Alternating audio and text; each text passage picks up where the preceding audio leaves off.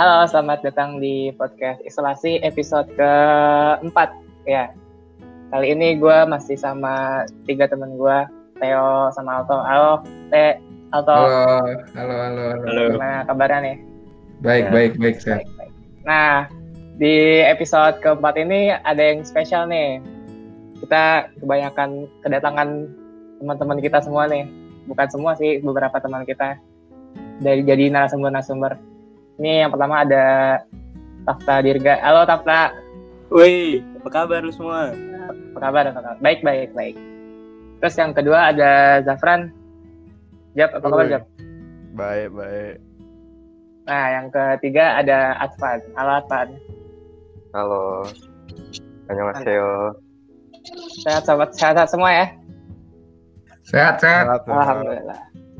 Nah, di podcast episode keempat ini kita bakal ngomongin apa sih yang bakal kita mau angkat topiknya sih, Teh. Apaan?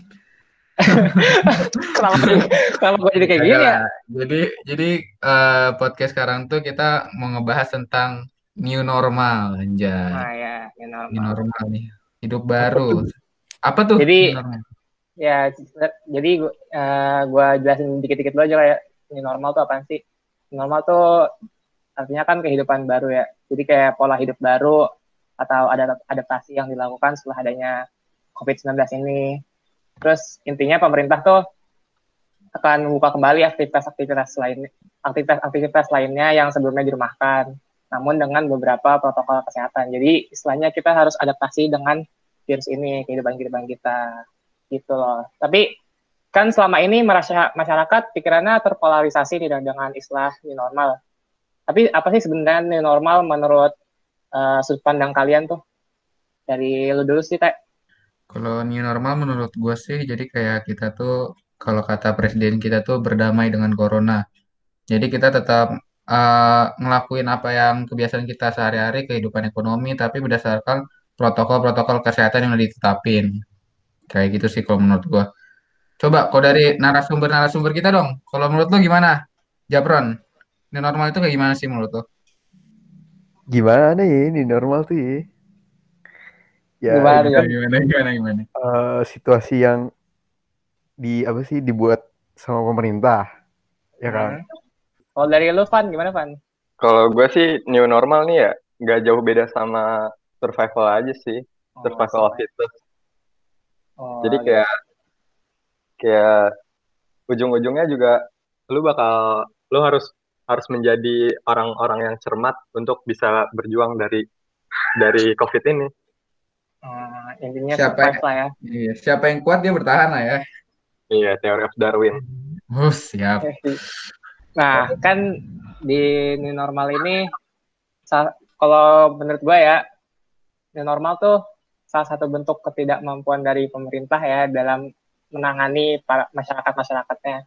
Nah, kalau menurut lu sih, kalau menurut lu ini semua tuh bener nggak sih?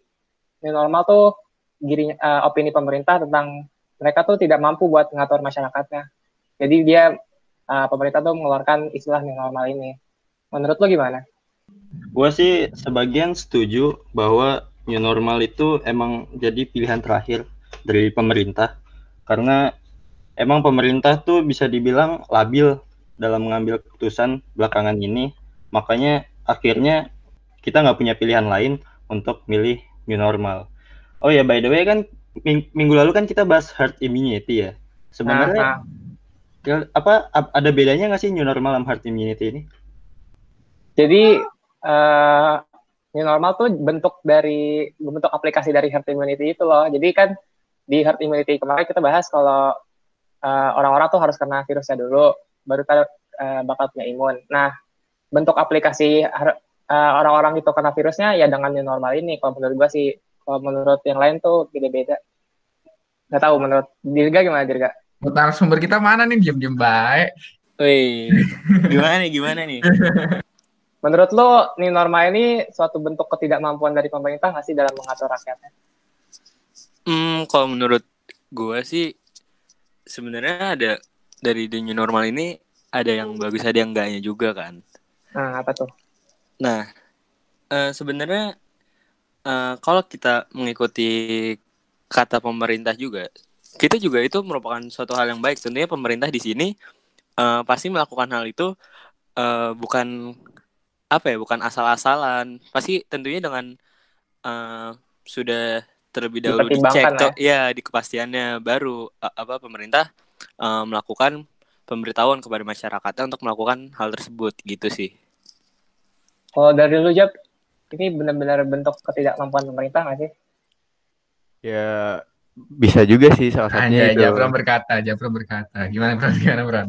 Ya kan gara-gara apa masyarakat Indonesia tuh kan emang dikenal susah diatur ya. Nah, Makanya pemerintah tuh memberlakukan kebijakan tersebut. Ya mau gimana lagi kan? Emang masyarakatnya susah? Yang suka keluar rumah itu kagak sih, Bran? Iya, yang suka keluar rumah. Keluar rumah. Ah, Nongkrong, nongkrong, nongkrong itu gak sih? Iya, kayak gitu. Kayak Ya, gue juga salah satunya sih. ya gak usah munafik lah ya. Iya. Yoi. Kita Eh, terang-terangan aja.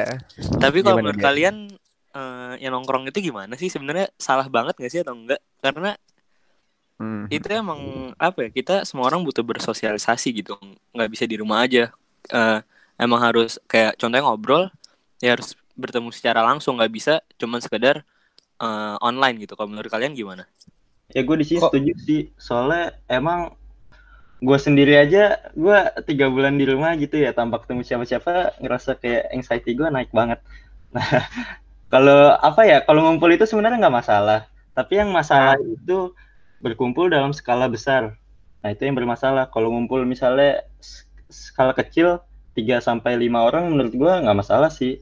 Tapi itu juga dalam jangkauan yang kecil gitu. Misalnya lu nongkrongnya eh, satu tempat tapi jauh sama orang lain. Kalau itu itu nggak apa-apa. Nah, gue jadi Oh. Jadi nongkrong tapi tetap tempat Dan juga eh, lu perginya nggak jauh-jauh gitu. Misalnya kalau keluar rumah cuma deket-deket aja gitu. Itu sih sebenarnya nggak masalah sih. Cuma ya pendapat orang beda-beda. Kalau itu Jadi pendapat nong- gua. jadi nongkrong tapi tetap mempertimbangkan protokol-protokol kesehatan gitu ya. Iya. Nah, kan eh, banyak banyak banget nih perbedaan-perbedaan setelah adanya COVID-19 ini. Yang paling yang paling mendasar banget deh. Yang paling mendasar kan pasti pakai masker kan. Itu paling mendasar banget. Kayak sekarang semua orang tuh ke mana-mana pakai masker. Kalau ada yang nggak pakai masker tuh kayak stigmanya langsung negatif lah. Dulu kan eh, kalau dulu kalau orang lihat perempuan pakai cadar gitu pasti ngeliatnya aneh gitu kan. Terus sekarang kalau ngelihat orang nggak pakai masker malah berbalik gitu lu nggak pakai masker sih gitu perbedaan yang paling mendasar sih pasti pakai masker terus juga sekolah juga pasti akan menerapkan protokol-protokol kesehatan menyambut new normal ini lah bagi tempat kerja terus gue baca kemarin di tempat di keputusan eh di berita ada keputusan Menteri Kesehatan nomor HK 0107 garis miring Menkes isinya tuh eh, protokol kesehatan di tempat kerja yang pertama itu ada higienis sama sanitasi lingkungan kayak penyemprotan disinfektan gitu-gitu Terus yang kedua ada menyiapkan sarana cuci tangan. Yang ketiga ada physical distancing. Nah, menurut kalian protokol-protokol seperti itu tuh malah malah bisa eh bisa menyebabkan kurva kita turun atau yang terburuk dari itu semua malah kurva kita malah bakal naik gara-gara adanya new normal ini. Kalau menurut lu gimana, Van? Oke, gue pengen jawab dulu yang tadi ya, yang menurut oh, yang yang pertanyaan pemerintah udah nyerah apa belum kan pertanyaan lo. Ah ya. Sebelumnya gue pengen ngomong kalau gue bukan expert di bidang apa pun di sini, gue ini menurut opini kacamata gue aja. Ya. Eh, menurut gue, ya mungkin pemerintah emang udah udah mulai udah mulai bingung. Seju- Sejujurnya dari awal udah bingung sih, cuman mungkin dengan dengan segala segala macam aspek dia udah udah mulai mikir untuk mengadakan new normal ini. Nah, dari masuk ke herd immunity yang tadi, herd immunity tuh setahu gue ya, setahu gue tuh cuma bisa dilakuin setelah ada sekitar di atas 50% orang yang udah kebal terhadap virus tersebut. Jadi nggak bisa semena-mena langsung herd immunity, langsung herd immunity. Soalnya kalau misalnya kita langsung herd immunity, berapa banyak orang yang bakal meninggal dulu. Kayak di herd immunity itu beberapa persen orang bakal meninggal kan, sedangkan penduduk Indonesia ada 260 270 juta orang. Jadi kayak berapa banyak rumah sakit yang bakal bisa cover orang-orang yang kor meng- uh, apa menjadi korban tersebut. Uh, terus jadi tadi tanya lo yang terakhir apa? Uh, menurut lo ya uh, keadaan new normal yang bakal digalakkan pemerintah ini kayak lu boleh masuk kerja, boleh sekolah, tapi dengan memperhatikan protokol-protokol kesehatan itu uh, sebenarnya itu bakal menyebabkan kurva kita menjadi landai atau yang terburuk malah jadi tinggi atau adanya second wave. Dilihat penduduknya aja dulu ya. Dilihat dari habit penduduknya aja. Oh, gimana ya? Mungkin beberapa orang bakal survive, beberapa orang bakal tidak. Untuk kurva gue, menurut gue ya kemungkinan besar bakal terus naik. Soalnya sekarang aja kurva belum turun kan, masih terus menanjak kan. Ya, Maksudnya ya. fluktuatif lah, fluktuatif. Nah. Ya sulit sih. Jadi jadi menurut lo ini bakal nyebabin adanya second second wave gitu loh. Di Cina aja menurut gue second wave udah udah ada. Oh ya? Karena dia kasus sempat nol terus dia ada beberapa orang terjangkit lagi sedangkan virus ini setahu gue kalau misalnya kita udah terkena jadi tidak mungkin eh, kita sangat rentan eh, sangat kecil kemungkinannya untuk kena lagi. Uh, virus virus lagi. Jadi kita aja ya gini kelimpungan baru menghadapi satu wave ini. Gimana nanti hmm. kalau kalau kalau misalnya uh, sekolah mungkin kalau untuk pendidikan kayaknya bisa sih di rumah. Cuman kalau pekerjaan banyak orang-orang yang dari sektor jasa yang tidak bisa bekerja juga kan. Jadi banyak yeah. orang yang diganti yang tetap hidup dengan uh, betul sih uh, tindakan pemerintah untuk uh, melakukan penindakan preventif untuk ekonomi sekarang. Gue setuju. Kalau dari lu teh?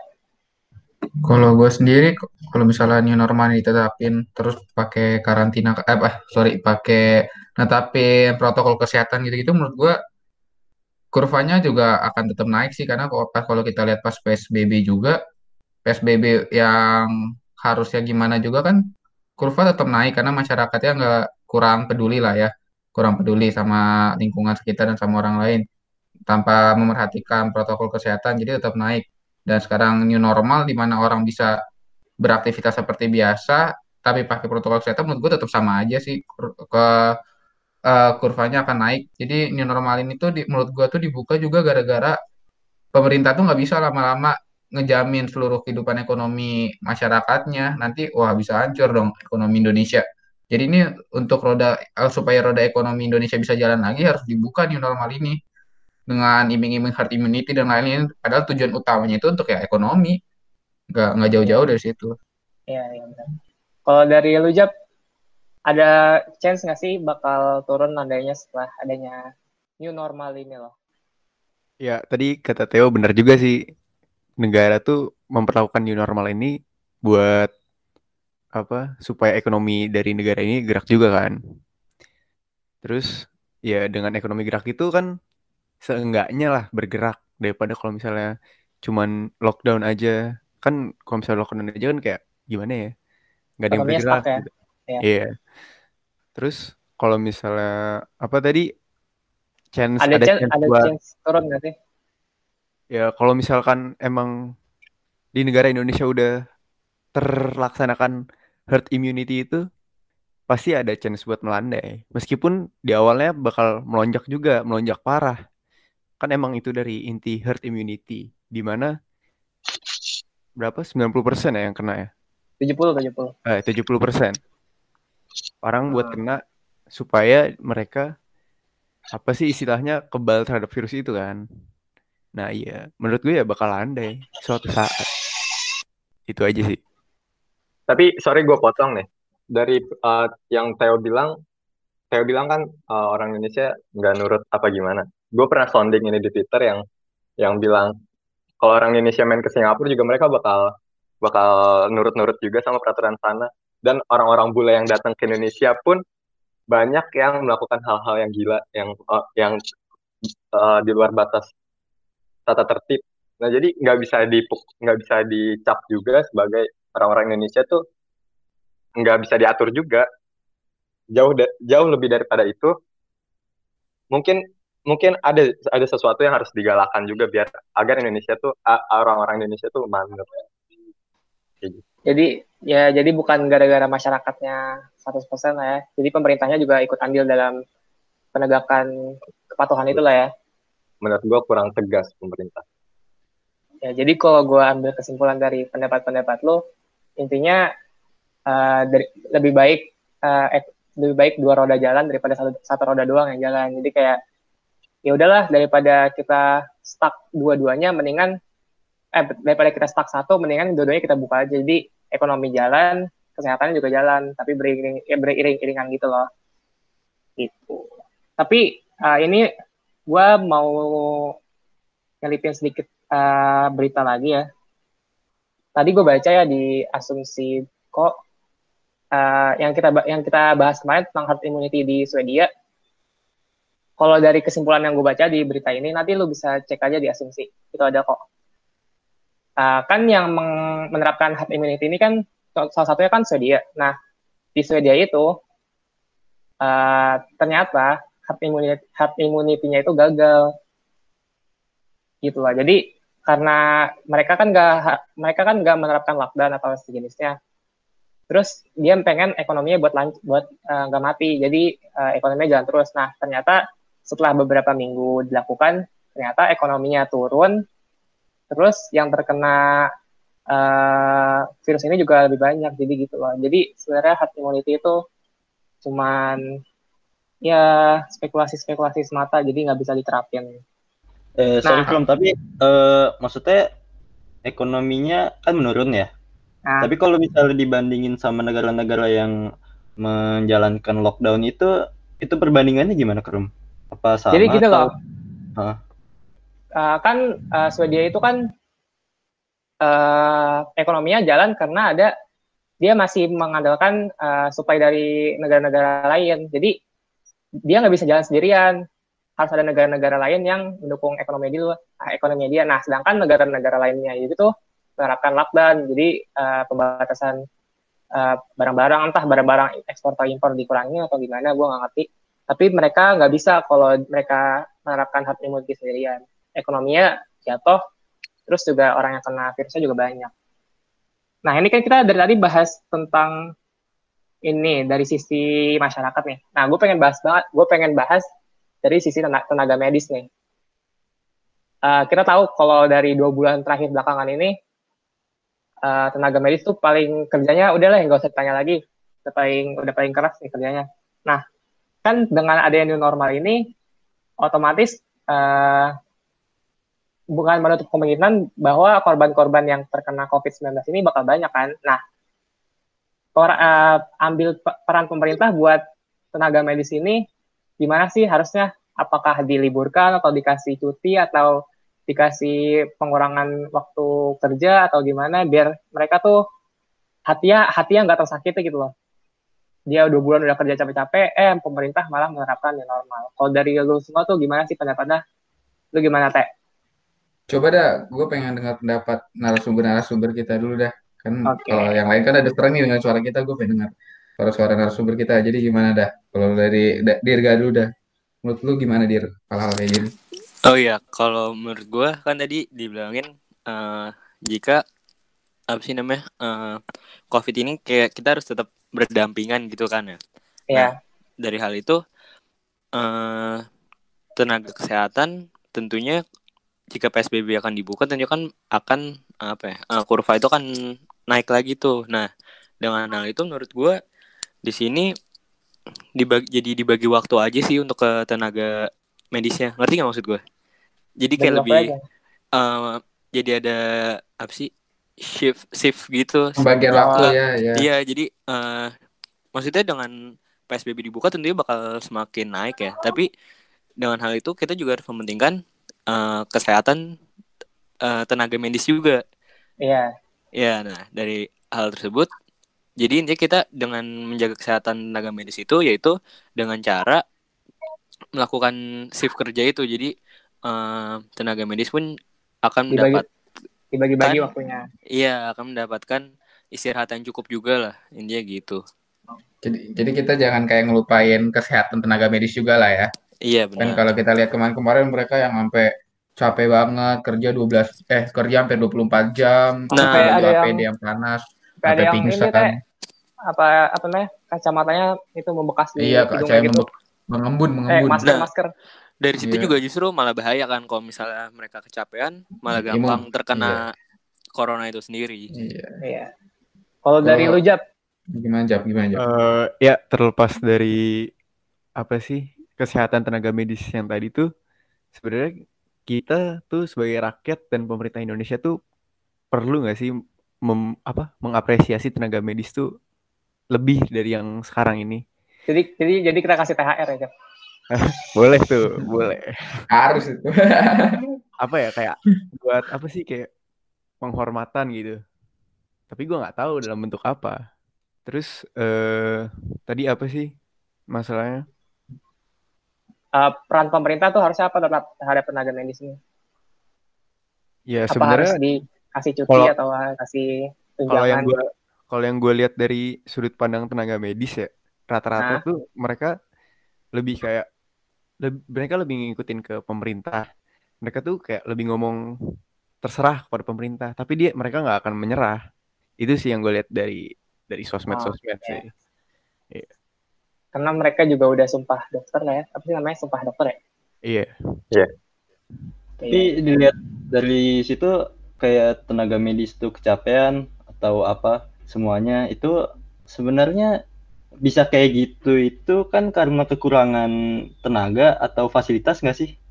Ben- Kelebihan menurut capacity sih.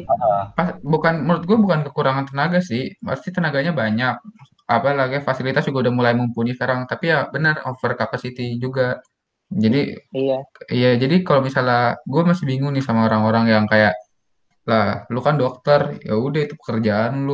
Ya, tapi setidaknya di mana hati nurani lu men? Lu kagak ada mau kagak mau ada bantu-bantunya sama sekali apa? Kan jadi kayak kalau misalnya kita baca-baca hal-hal kayak gitu kan kayak kesel sendiri ya. Baca-baca di timeline lain kayak ada aja ada aja orang komen, lu kan dokter, lu jangan ngeluh lah, Indonesia terserah, Indonesia terserah lah. Lu aja kagak peduli. Jadi kayak aneh gitu. Dia dia dia nganggepnya lah itu kan pekerjaan lu ya itu lu Iya. ya. Kalau dari lu gimana, Van? Kalau ngebahas hal-hal kayak gini kan ini sensitif banget nih.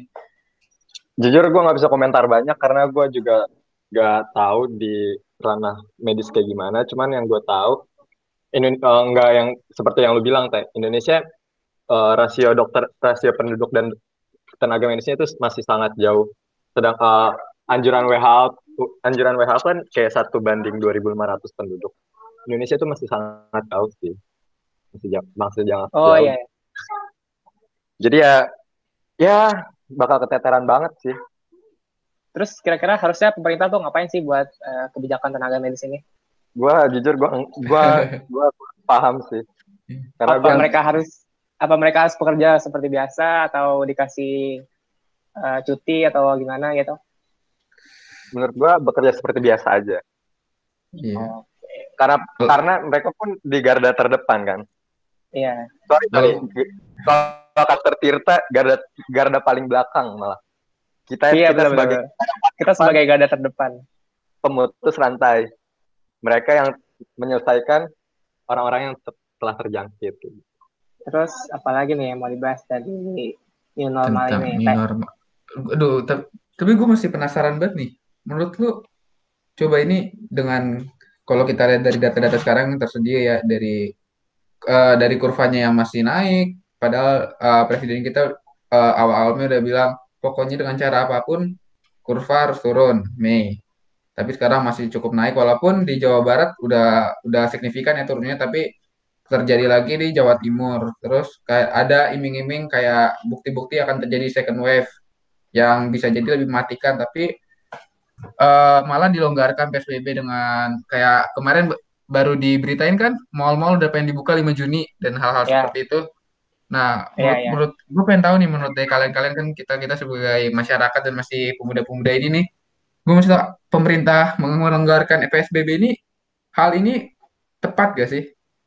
Tapi tepat gak sih? Tapi tol, eh, menurutnya tepat dalam artian apakah untuk menyelamatkan ekonomi ataukah tepat untuk agar masyarakat Indonesia bisa bisa jalan terus itu kayak gimana tuh? Gue masih agak agak rancu gue di situ.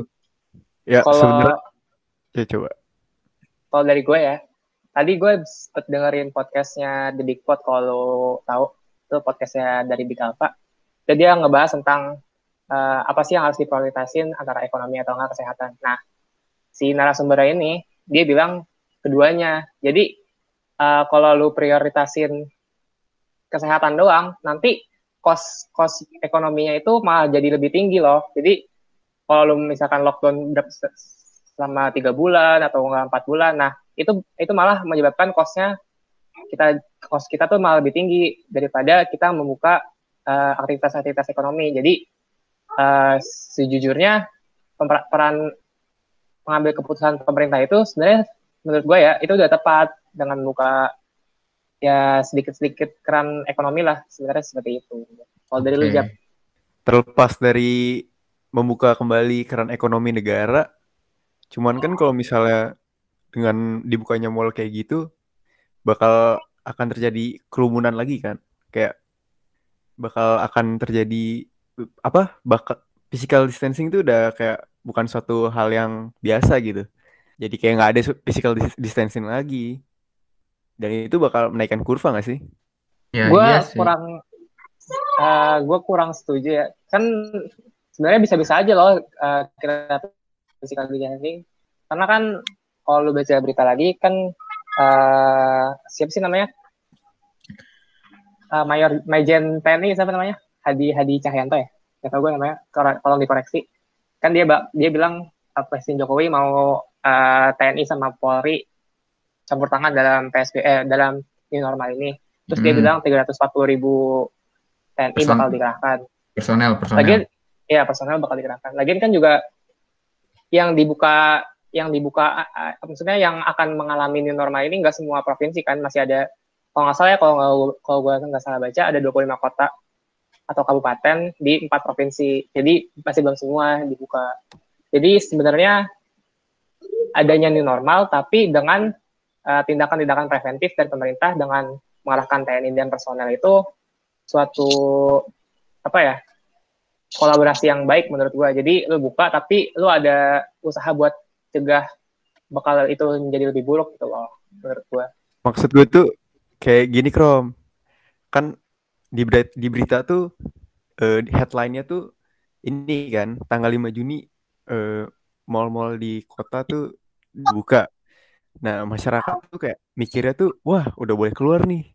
Jadi kayak semua masyarakat tuh yang nggak berkepentingan banget ikut-ikutan keluar gitu. Yang gimana ya? Yang apa? Iya, iya. Ya lebih rawan lah. Rawan. Tapi ya sebenarnya lu juga nggak bisa ngarapin kurvanya bakal turun sih. Pasti kan herd immunity kan katanya ini iming-iming mirip-mirip herd immunity yang pasti kurvanya akan naik mul naik dulu selama new normal ini. Nggak akan turun. Menurut gue sih nggak akan turun. Pasti naik dulu.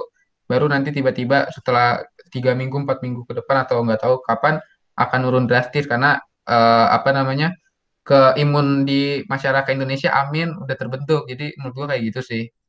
Kalau menurut gue ya kalau misalnya dia bakal rame-rame lagi ke mall segala macem gitu, balik lagi ke teori Darwin sih, survival of fittest. Jadi mereka yang punya otak bakal lebih bisa survive di pandemi ini. Jadi kalau bisa disimpulin, new normal ini menyeleksi orang-orang bodoh. Betul, saya sangat setuju. Iya, gue gue mau nambahin uh, sebenarnya kalau menurut gue ya kebijakan pemerintah new normal ini bisa dibilang benar. Itu karena untuk benar untuk menggerakkan roda ekonomi. Tapi bisa dibilang juga salah karena pengambilannya kesannya kayak telat banget gitu. Ya nggak sih? Waktu awal-awal dulu kan sebenarnya mereka bisa ngambil keputusan lain yang lebih yang lebih preventif gitu dengan dengan apa ya? Terlalu. Dengan cara pakai masker ya. Cara pakai masker. Iya pokoknya pokoknya harusnya jangan labil lah gitu. Nah, oh, tapi iya, iya. Uh, kelabilan pemerintah ini sebenarnya bisa dibilang wajar. Itu banyak faktornya. Faktor utamanya itu karena dari masyarakatnya sendiri. Kita bisa tahu hmm. masyarakat Indonesia itu sifatnya bisa dibilang rebellious terhadap otoritas pemerintah. Itu banyak faktornya juga bisa karena pertama kedisiplinan kita tuh rendah nah kedua yeah. karena banyak korupsi yang terjadi beberapa puluh tahun belakangan itu juga tingkat skeptisme dari Like- masyarakat itu like- tinggi dan lack of juga trust lah ya ah, krisis, dan krisis juga kepercayaan menurut gua sih ini masih ada hubungannya sama eh, pemilu kemarin. Pemilu kan nggak nggak jauh kan kemarin ya. Nah setelah pemilu itu masyarakat Indonesia tuh kesannya terbagi menjadi dua gitu. Jadi bisa dibilang setengah dari Indonesia tuh udah cukup skeptis banget sama pemerintahan kita sekarang. Nah ketak nah karena masyarakat yang skeptis tersebut, pemerintah tuh jadi takut mengambil keputusan akhirnya jadi labil. Bisa dibilang apa? Nutshell kayak gitu sih. Nah Beuh, Dari- Rempet-rempet ke politik kita nih serem ya. jadi wajar gitu pemerintah itu labil tapi ya menurut gue itu salah sih harusnya jangan labil tapi wajar-wajar aja. Nah makanya new normal ini udah jadi eh, pilihan terakhir. Dan ya udah itu udah pilihannya paling bener yang bisa dilakuin sekarang gitu. Itu sih. Oh gini toh, berarti menurut lu pemerintah ini emang dari awal kurang tegas dalam pengambilan keputusan juga dong, bukan bukan cuma kurang tegas dalam kemarin apa melaksanakan lockdown. Eh, iya. Karena emang waktu lockdown juga eh, di samping masyarakatnya yang kurang peduli dan juga emang Yes. bener sih kalau dari pemerintah sendiri emang nggak kurang tegas gitu misalnya bilang eh, sebaiknya di rumah aja nah itu kan bahasa yang sangat persuasif ya bukan yang opresif gitu eh nggak ya bukan opresif sih apa bahasanya Represif, represif. Represif bukan represif gitu ha. Sorry, sorry, nge, nge benerin bukan lockdown, PSBB. Kan kita nggak ada lockdown di sini. Iya, Oh ya itu. Ya emang bisa dibilang eh, sedikit ini sih sedikit lalai ya. Tapi itu hal yang wajar gitu kalau menurut gue sih gitu. Kalau menurut Oke. gua justru pemerintah Indonesia kayak keburu-buru sih buat buat memutuskan apa yang harus diti- eh, dilakukan. Mereka kayak mereka tuh berkaca dari luar negeri, padahal kas- eh, kejadian di lapangan Indonesia sangat berbeda. Contohnya kayak sekarang, eh, banyak di luar negeri udah melakukan the new normal karena eh, kurva mereka, eh, kurva COVID mereka udah turun, sedangkan di Indonesia tuh masih fluktuatif banget. Menurut gua pemerintah masih sangat terburu-buru sih. Oh iya, nih gue mau nambahin aja. Eh, jadi gue baca-baca dari itu eh, justru di sini ada berita dari pemerintah sendiri malah apa ya mengabaikan anjuran untuk PSBB. Eh, eh, sorry sorry, maksudnya anjuran untuk memakai masker. Jadi di sini diasumsi ada berita ditegur karena tak pakai masker, oknum polisi ngamuk di checkpoint PSBB Bandung dari hal ini sebenarnya kita juga bisa ngelihat ya eh, ternyata dari pemerintah sendiri ataupun contohnya kepolisian yang seharusnya membantu adanya apa namanya anjuran-anjuran dari pemerintah tapi justru malah tidak eh, mengikutinya dari sini kita bisa ngelihat kalau pemerintah kurang tegas lah gitu sih Jangan jauh-jauh deh, Dir. Kemarin aja eh, awal-awal pemerintah bilang gak usah pakai masker, gak usah pakai masker. Beberapa hari kemudian menggalakkan Indonesia semuanya harus pakai masker kan itu kayak konyol sih. Iya, kayak Tapi kan- banget tuh yang pas, sorry, yang pas dibilang masker hanya untuk tenaga medis, tenaga apa ya. Memang, tapi ya akhirnya beberapa hari setelahnya langsung dibilang semuanya harus pakai masker dan lain-lain. enggak enggak setahu gue ya yang dianjurkan pakai masker tuh itu anjuran dari WHO-nya langsung jadi bukan dari Indonesia-nya jadi WHO turun ke Indonesia baru Indonesia turun ke masyarakat gitu loh Mm-mm. Jadi dari yang semua lu jelasin tuh, jadi ya kayak semua hal yang lu jelasin itu kenapa, eh, meng- mengapa jadi mengarah ke Indonesia itu nerapin new normal lah ya. Dari segi masyarakatnya, dari apa-apanya. Jadi kenapa menurut kalian Indonesia itu harus nerapin new normal sama eh herd immunity ini lah ya. Kayak gitu. ya sebenarnya gini ya gue gua kasih insight dari sudut pandang lain ya ini kan kita ngomongin new normal karena eh, mungkin orang tua kita kan nggak terlalu kena imbasnya imbas ekonominya gitu kan nah sementara kayak yang eh, masyarakat-masyarakat rentan di angka garis kemiskinan tuh kan mereka tuh udah kayak nol eh, pendapatannya tuh pendapatannya tuh nol nol rupiah gitu loh apalagi kalau yang eh, misalkan orang tuanya punya perusahaan atau PT-PT gitu, mereka masih harus muter otak buat bayar cicilan eh, gedung, sewa ini, sewa itu, bayar karyawan. Nah, dengan adanya new normal ini justru malah bikin mereka-mereka ini punya angin segar gitu loh buat ngejalanin ekonomi-ekonominya lagi. Menurut gue sih seperti itu, jangan hanya Iya. kita lihat sebagai kita yang berkecukupan atau enggak lebih beruntung dari mereka. Kita juga harus ngelihat dari eh, kacamata mereka gitu loh. Makanya kan yang kayak disebutin di awal kan new normal ini dibuka di, atau dilaksanakan karena untuk membuat roda perekonomian berjalan kan supaya supaya nggak nggak hancur ekonomi bangsa kayak gitu. Mhm. Ya, sih, sih. Apalagi nih yang mau dibahas nih. Aduh, Normal. terkait terkait new normal ini nih, ini sumpah menurut gue ini kebijakan yang serem sih karena karena kalau kayak kita nih orang-orang muda yang dibolehin keluar terus pas kita pulang nanti ke orang tua kita yang udah 50 tahun ke atas notabene imun-imunnya udah lebih rendah dari kita kan itu juga serem ya. Jujur itu sih yang gue takutin. Iya, itu Kayak kan serem. Kita bisa aja orang tanpa gejala balik-balik jadi carrier kan Hmm. chaos sih. Sebenarnya Iya. itu yang serem sih, yang carrier. Mm-mm. Kenapa Dirga? Dirga ada pendapat lain nih? Iya, kenapa Dir? Kenapa Dir? Utarakan Dir. Iya, kalau gue enggak sih ini dari hal yang lain aja kita eh, mengalih ke hal-hal yang lebih ringan. Coba ke- kalian pernah bayangin gak sih kalau di saat apa new normal itu nanti fashion fashion yang akan kita pakai tuh kayak gimana kalau kita keluar? Contohnya bisa ke mall, coba bayangin kayak kalau ke mall tuh nanti kita harus pakai masker. Maskernya sekarang kan macem-macem kan yang orang jual Nah, iya. kayak terus kayak iya kan udah masker maskernya tuh yang udah unik banget terus sarung tangan ya gitu deh terus kayak benar-benar harus pakai semua pakai celana panjang gitu-gitu Iya, Nanti kata gue muncul brand-brand yang bakal ngeluarin masker-masker berbranded sih kata gue. Kita tidak tahu adakah, adakah masker Supreme. Ya, gimana Advan? Gimana Advan? Udah ada sih dari dulu.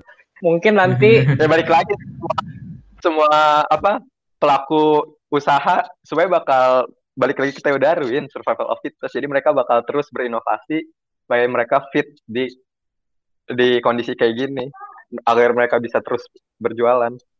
Gimana caranya? Jadi bakal ada.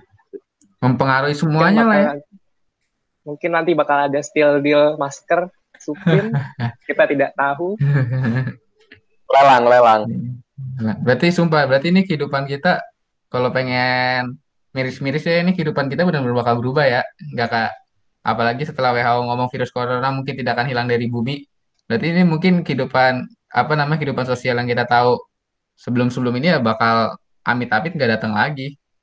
Tapi menurut gue itu Iya. bukan sesuatu untuk kalau dalam kehidupan sosial itu bukan sesuatu yang terlalu memberatkan kok karena kita tinggal social distancing juga itu nggak terlalu ribet. Kita pakai masker dan segala macam.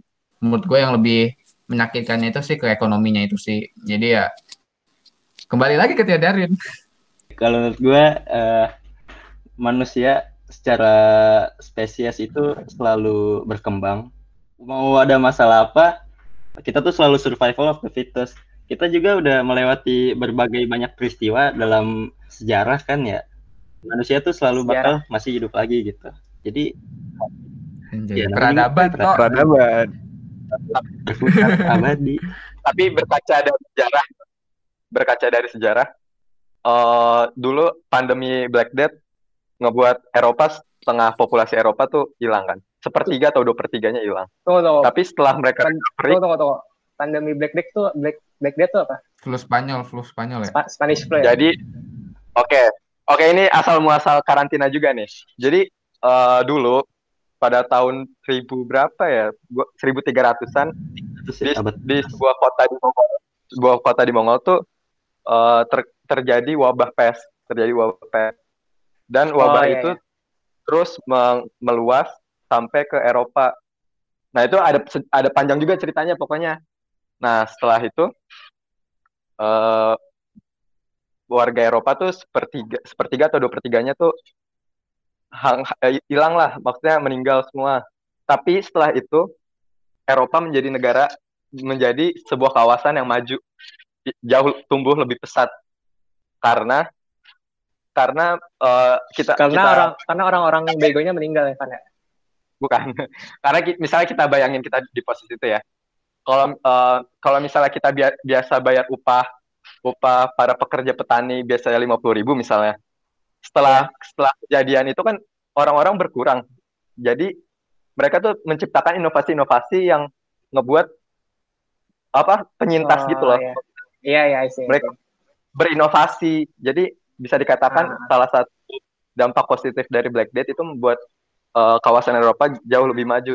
Nah, kalau sekarang menurut lu kali eh, menurut kalian terjadi nggak di Indonesia? Bakal terjadi kayak gitu? Eh, sorry eh, sebagai apa namanya pengamat sejarah Eropa kuno ya menurut gua sorry, eh, sorry bang. Eropa maju tuh faktornya faktor utamanya bukan itu sih tapi Industri karena atau Enggak, gue bilang salah satu. Gue gue bilang satunya. iya tapi itu kalau menurut gua lumayan lemah sih ininya apa namanya faktornya yang sangat lemah karena kemajuan Eropa itu soalnya itu kan abad 14 ya kalau misalnya 13 kita ngomongin kemajuan Eropa itu kan abad 16 17 itu Iya. udah 150 tahun dan itu terjadi karena eh, peristiwa Renaissance kan Eh, Hmm. karena karena ya ada hubungannya sama agama lah yang kuat itu menurut gua ya beda sih beda Iya. aja ya mungkin kalau salah satu faktor ya masuk lah cuma bukan faktor utama gitu aja sih aduh aduh jangan sampai ke sejarah sejarah dong aduh Kita ngebayar. Gak apa-apa, Teh. Soalnya saat itu kita ngebayar orang pun mahal kan. Jadi kayak kita harus memutar otak gimana caranya. Jadi menurut gue itu salah satu faktor kenapa Eropa bisa maju sih. Asal muasal kenapa Eropa bisa maju. Ya, itu maju gara-gara banyak orang yang meninggal. Kan kalau kita insya Allah enggak lah ya. Tapi Berarti setelah di new normal, setelah new normal ini kalian bakal pada keluar gak? Keluar Gimana ya? dong. Gimana ya? Keluar dong. Setelah PSBB berakhir, Kelu- apa yang bakal kalian keluar lah lakukan? nongkrong kita nongkrong. Keluar dong. Ayo langsung. Gue kangen banget sama teman-teman gue. ketemu temen Duh, pengen makan pengen makan enak iya langsung kita buat acara Langsung. Apa kalian tidak takut? takut Ya, gimana ya? ngikutin protokol kesehatan lah ya jadi nih Kan kembali kan kembali lagi ke ini, Van. Kembali lagi ke teori Darwin, Van. yo kembali Yoi. jadi nih kesimpulan yang bisa diambil dari new normal ini apa nih Krom Ya, kesimpulannya yang gue cermati dengan seksama nih dari para pakar-pakar kita. Insya Allah ya, amin. Jadi eh, keadaan new normal ini eh, bukan salah satu bentuk ketidakmampuan dari pemerintah. Iya itu ketidakmampuan, tapi ini adalah jalan terbaik bagi kita semua gitu loh. Jadi eh, Indonesia tuh rakyat Indonesia nggak bisa selamanya hidup di bawah bayang-bayang eh, apa, sih- namanya sumbangan. Nggak bakal bisa. Kalau lu mau sumbang segede apa pun itu tetap nggak bakal cukup buat semua rakyat Indonesia.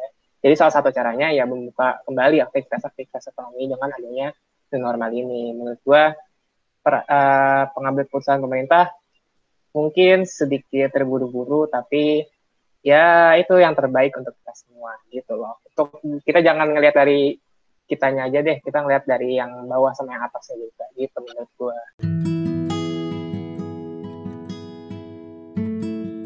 mungkin itu aja lah ya dari episode 4 ini. Mungkin nanti kalau ada yang mau diomongin lagi bisa lanjut ke episode 5 atau episode 6, episode 7 Iya, gitu ya. Kita so- nggak tahu lah ya.